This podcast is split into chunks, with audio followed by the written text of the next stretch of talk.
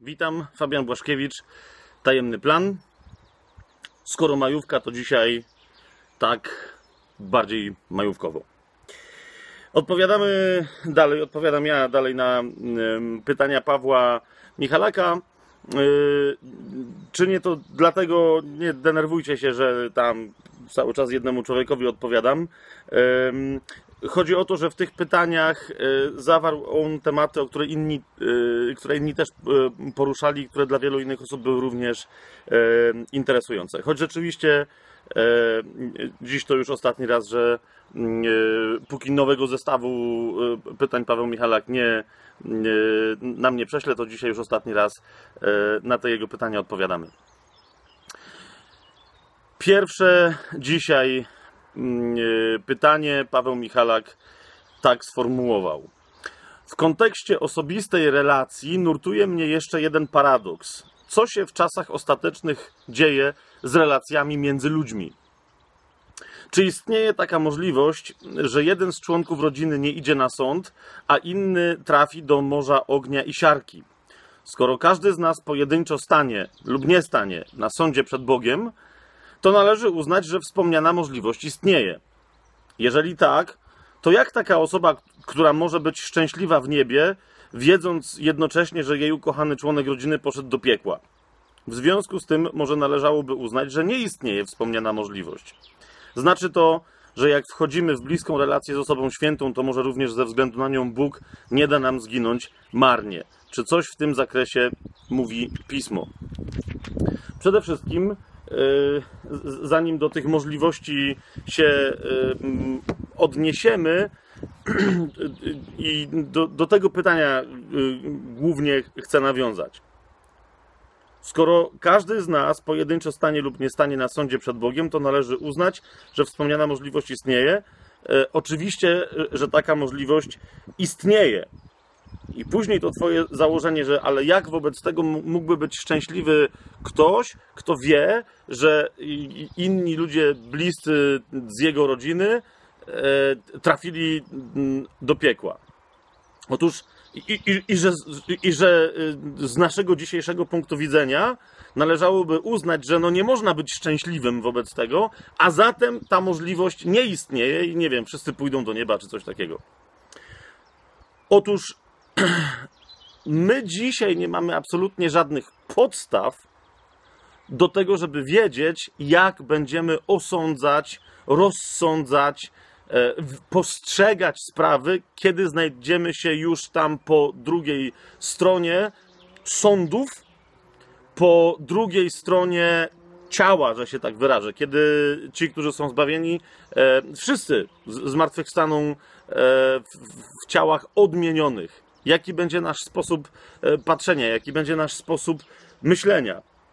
Odwołam się do e, Ewangelii Mateusza, gdzie Pan Jezus, e, na co prawda troszeczkę inne pytanie, ale e, w podobnym kontekście m, tak powiada. Tam chodzi o to, że Saduceusze do niego się zbliżyli z pytaniem, czy e, czyją żoną będzie kobieta, która miała tam paru mężów e, po zmartwychwstaniu.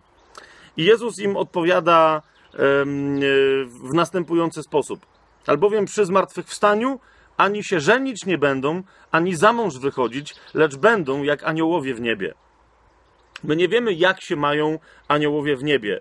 Z punktu widzenia e, dzisiaj kochających się, szalejących za sobą małżonków, e, również wydawałoby się, aha, zaraz, czyli jak zmartwychwstaniemy, to mimo, że tutaj tak za sobą szalejemy, tam już nie będziemy małżeństwem, no nie będziecie. Niemniej dla Pana Jezusa wygląda e, na rzecz oczywistą, że to w żaden sposób nie zaburzy szczęścia tych ludzi. A zatem będzie tam zupełnie inna perspektywa, o której my dzisiaj niewiele wiemy.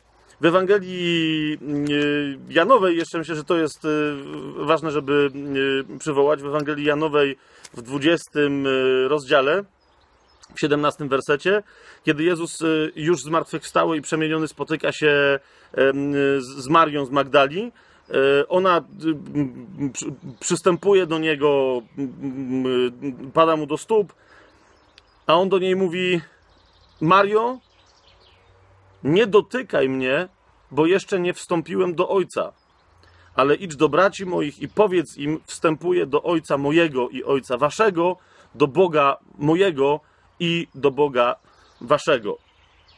Oczywiście w inny sposób e, ojcem mm, mm, Jezusa jest Bóg niż naszym. My jesteśmy przybranymi e, w Jezusie e, dziećmi. W inny sposób on jest Bogiem Jego, bo Jezus sam też jest Bogiem, a w inny sposób jest Bogiem naszym. Niemniej tu też Jezus pokazuje tę odmienną perspektywę, że dla mnie, nawet jako dla człowieka, który już zmartwychwstał,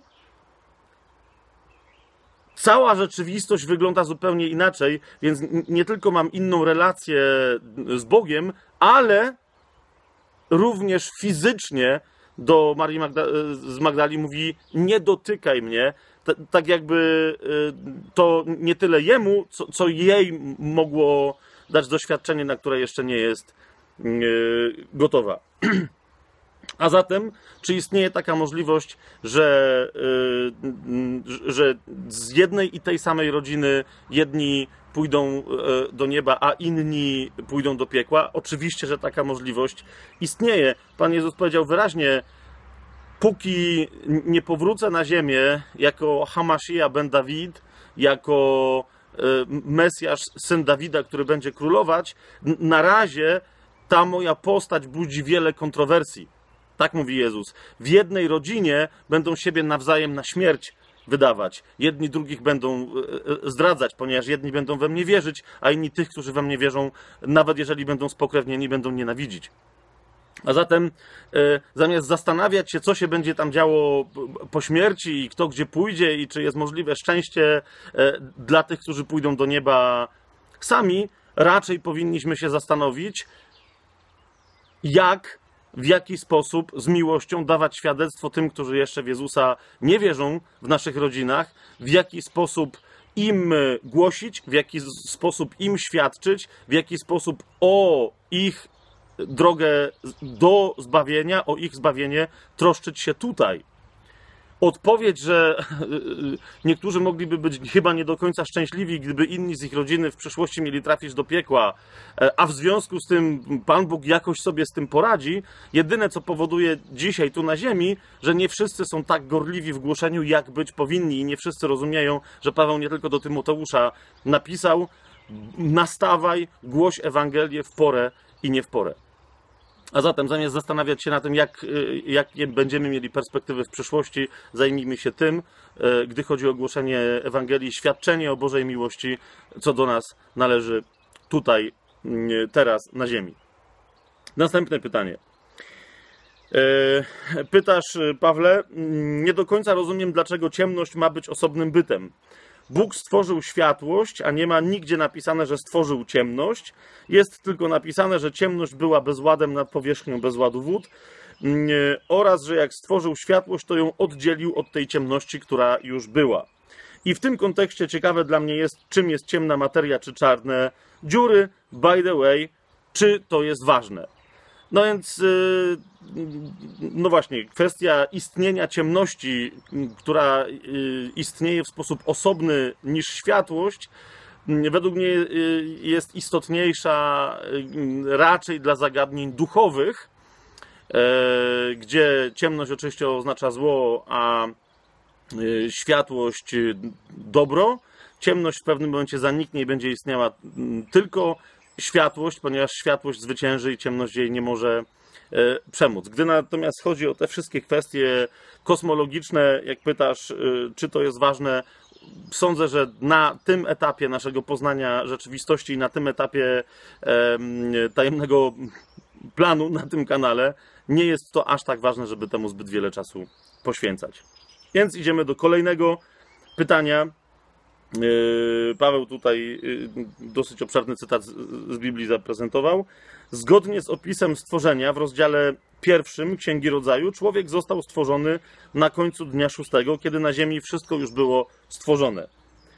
I tu porusza rzeczywiście yy, kwestię, o której też wielu innych wspominało. Tymczasem w drugim opisie stworzenia człowieka z drugiego rozdziału tejże księgi, od wersetu piątego czytamy: Nie było jeszcze żadnego krzewu polnego na ziemi, ani żadna trawa polna jeszcze nie wzeszła, bo Pan Bóg nie zsyłał deszczu na ziemię i nie było człowieka, który by uprawiał ziemię, a nurt wypływał z ziemi, aby w ten sposób nawadniać całą powierzchnię gleby. Wtedy to Pan Bóg ulepił człowieka z prochu ziemi i tchnął w jego nozdrza tchnienie życia, wskutek czego stał się człowiek istotą żywą. I tu pada pytanie, co zatem stało się pomiędzy dniem trzecim, kiedy to rodzaju 1.12 ziemia wydała rośliny zielone i tak dalej, yy, i tak dalej, a dniem szóstym, kiedy powstał człowiek, kiedy to nie było krzewu polnego na ziemi, ani żadna trawa polna jeszcze nie wzeszła. Yy, z, nie mam tutaj akurat przy sobie tysiąclatki, ale z tego co Biblii Tysiąclecia, ale z, z, z tego tekstu i, i, tego, jak on wygląda, zgaduję, że yy, na rozkładzie Biblii Tysiąclecia się opierasz. Otóż tam, podobnie zresztą jak w Biblii Warszawskiej, ja sobie do, do niej sięgnę, bo to akurat ją mam pod ręką, yy, pojawił się ten sam błąd.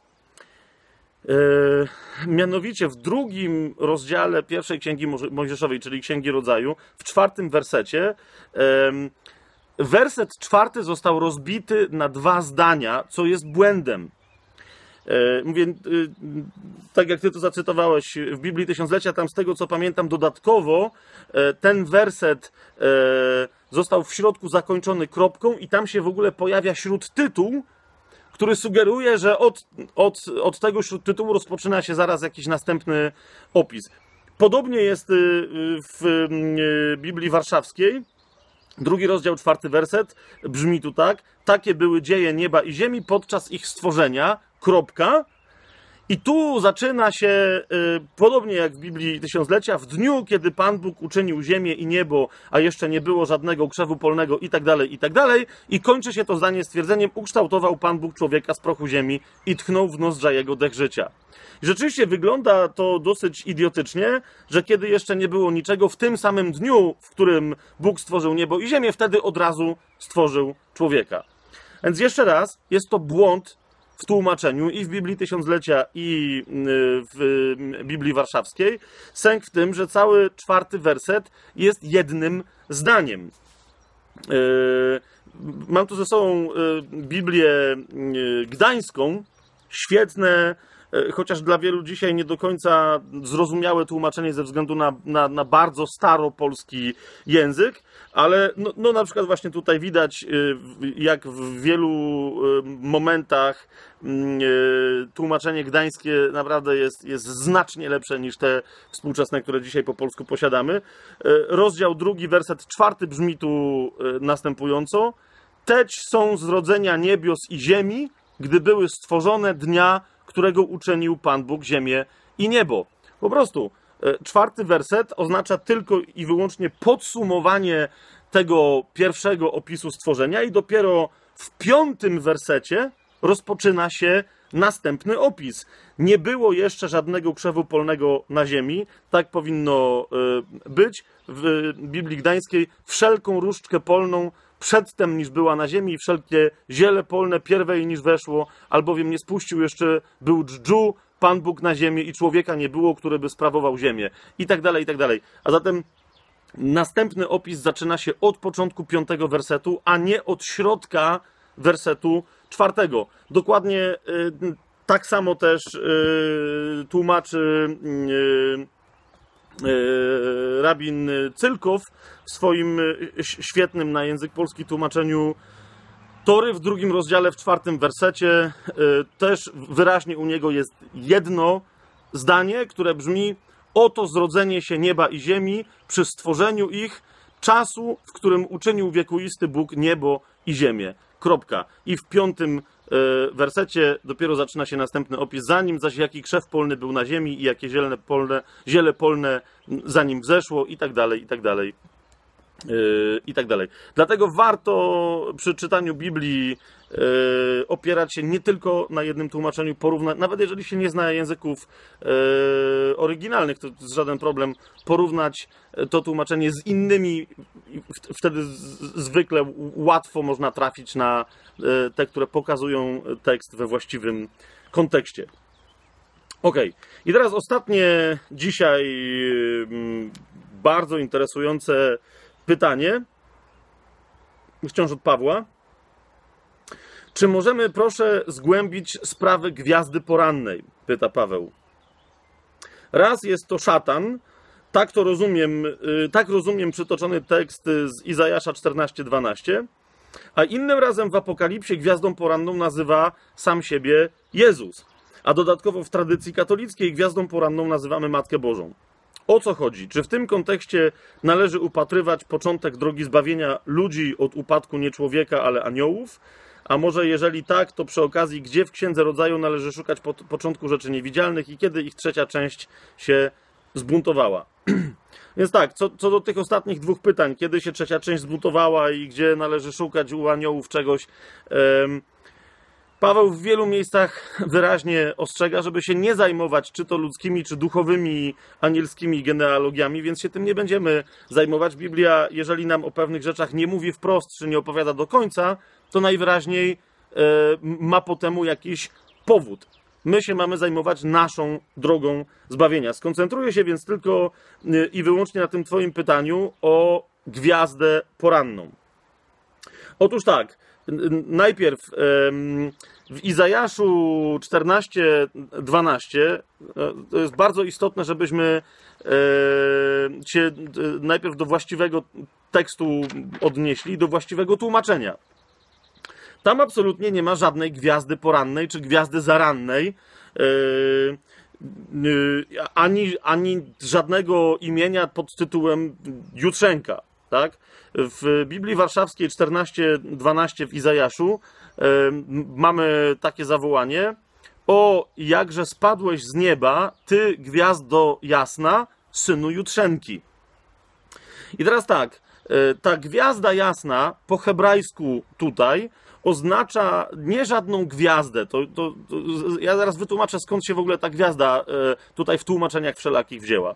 Otóż tu po hebrajsku, gdzie, gdzie mamy tłumaczenie gwiazda jasna, w innych miejscach, na przykład właśnie gwiazda poranna e, czy gwiazda zaranna, tutaj w tym miejscu po hebrajsku mamy tylko i wyłącznie słowo helel, które oznacza dosłownie kogoś, tego, który niesie światło.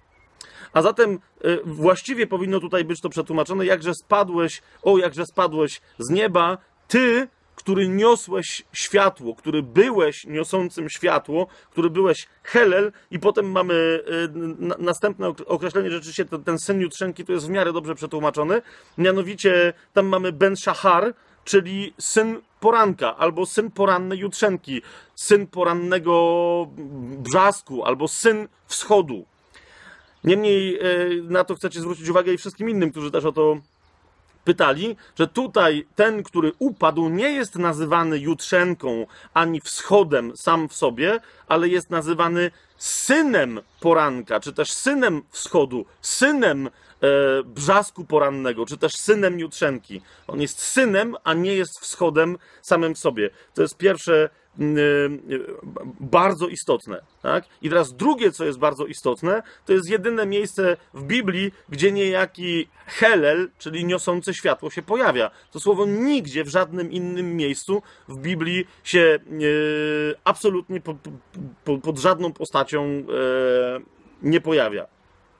A zatem pierwsza rzecz, nie ma w tym fragmencie ani w żadnym innym odniesienia do szatana, do, do przywódcy zbuntowanych duchów, jako do e, gwiazdy zarannej. Absolutnie nigdzie. Oczywiście Paweł mówi o tym, że, pa, że, że szatan lubi się okazywać i objawiać pod postacią anioła światłości, a zatem nie ma w tym nic dziwnego, że lubi się również podszywać i lubi być nazywany jutrzenką, lubi być wiązany ze wschodem słońca itd., tak itd. Tak ale jeszcze raz powtarzam, to jest bardzo, ale to bardzo istotne. Nigdzie pismo nie mówi o tym, że on czy jest, czy w ogóle, że był wschodem lub że był nazywany e, jutrzenką czy też gwiazdą zaranną. Absolutnie nie. Co najwyżej istnieje tutaj pośredni związek taki, że on był kimś podległym, był, był nazywany tytułem e, syna poranka i tego, który niesie światło. Natomiast tytuł Gwiazdy Zarannej przynależy tylko i wyłącznie Panu Jezusowi. Nie ma absolutnie żadnego, nikogo innego w Biblii, który, y, który by mógł ten tytuł nosić. On sam dokładnie tym tytułem, teraz otwieram księgę objawienia y, świętego Jana, to jest 20, o to jest tutaj, 22 rozdział, 16 werset. Jezus tam sam się tym imieniem przedstawia.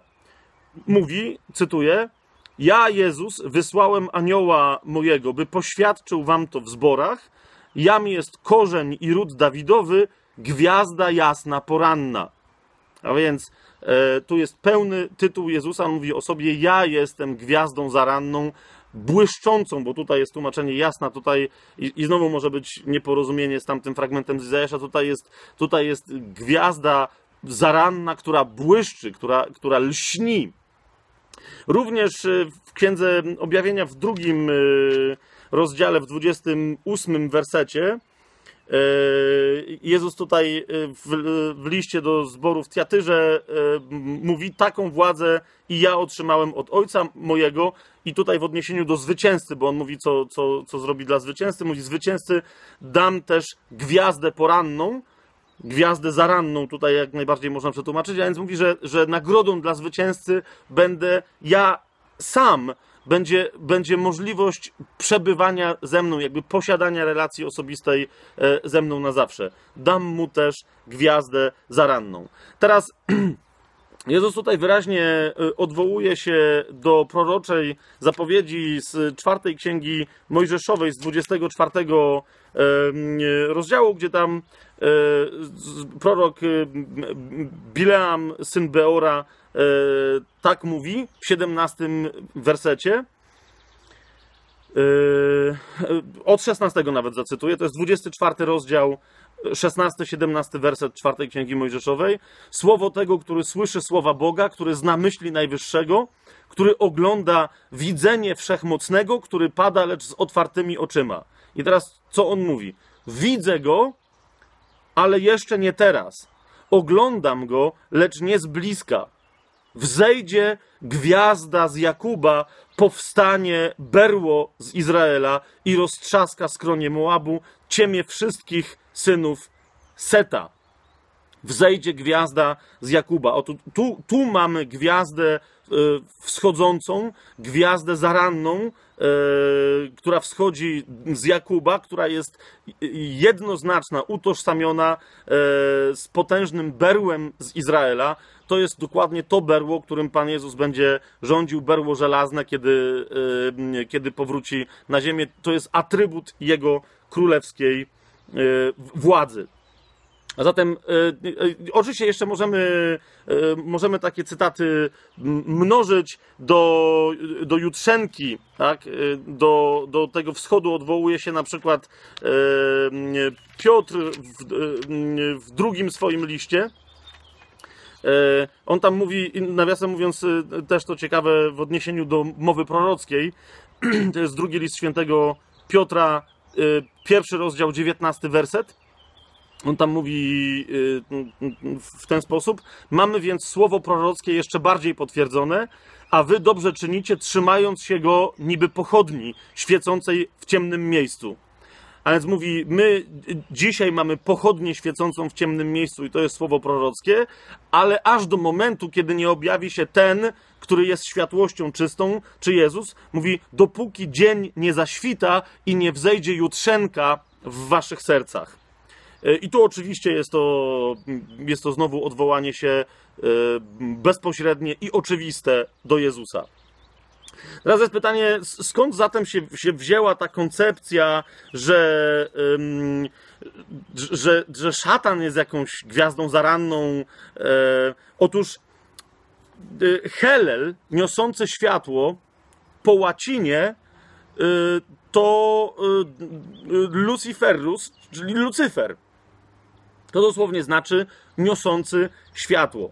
Otóż słowo Lucyfer czyli właśnie to niosące światło, e, tu, tu zostało związane z szatanem, ale w pierwszych wiekach po Chrystusie było nazwą, którą bardzo często w astrologii czy w astronomii posługiwano się na oznaczenie Wenus, która była, planety y, Wenus, która y, poza tym, że była nazywana Wenus czy Lucyfer, była też nazywana, ale w astrologii, gwiazdą zaranną. A więc, y, a więc tu doszło do, do, do, do zadziwiającego pomieszania, czyli ten, który niesie światło, został w łacińskich tłumaczeniach nazwany Lucyferem, a ktoś potem wtórnie pokojarzył tego mm, Lucyfera niosącego światło z nazwą e, e, tej gwiazdy zarannej, zwłaszcza, że tutaj się też pojawił ten Ben Shahar, czyli syn poranka, a więc, a więc, e, a, a, a więc została wrzucona tutaj owa gwiazda zaradna, której w oryginalnym tekście nie ma i co najwyżej przez dalekie powiązanie można by ją tu było znajdować. Nie ma żadnej gwiazdy w tekście Izajasza 14:12. To jest, myślę, zamieszanie, które, które sam szatan spowodował, jak powiedziałem, który lubi się pokazywać i przedstawiać jako anioł światłości i który e, w niektórych szkołach gnostyckich, y, także w niektórych dzisiaj trendach y, New Age'u i okultyzmu y, jest przedstawiany jako, jako brat Jezusa, tak? czyli że jest Jezus, ale że jest też szatan i oni tak naprawdę to jest yin i yang i, i tego typu brednie, w związku z tym jeden i drugi może mieć podobny tytuł. To jest absolutne kłamstwo, całkowita nieprawda. Tego w ogóle nie ma w Biblii. Istnieją tego rodzaju dziwne powiązania, ale tylko i wyłącznie w tłumaczeniach łacińskich. Jak, jak się sięgnie do oryginału, widać wyraźnie, że jest tylko jeden, który może być nazwany Jutrzenką, jest tylko jeden, który może być y, nazwany, bo sam siebie tak nazywa, y, gwiazdą zaranną i to jest Jezus. Oczywiście, jak tu jeszcze padło pytanie, czy co na ten temat, e, że w tradycji katolickiej gwiazdą zaranną nazywamy także Matkę Bożą, no, trzeba byłoby w ogóle biblijnie e, się odnieść do kwestii najpierw tytułu Matki Bożej, tak? E, skąd się ten tytuł wziął, a, a, potem do innych.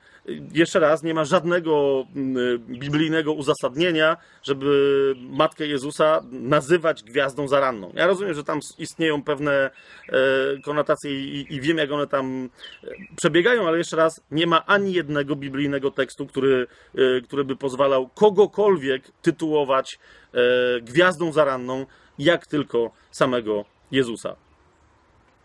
I wzeszło mi na potwierdzenie tego wszystkiego wspaniałe słońce, chociaż jeszcze mieliśmy tutaj trochę chmur. I w tym cudownym słońcu mówię Wam mocy, błogosławieństwa. Do następnego odcinka pytań i odpowiedzi. Aha, a oczywiście w piątek kolejna część regularnych y, wykładów. Amen.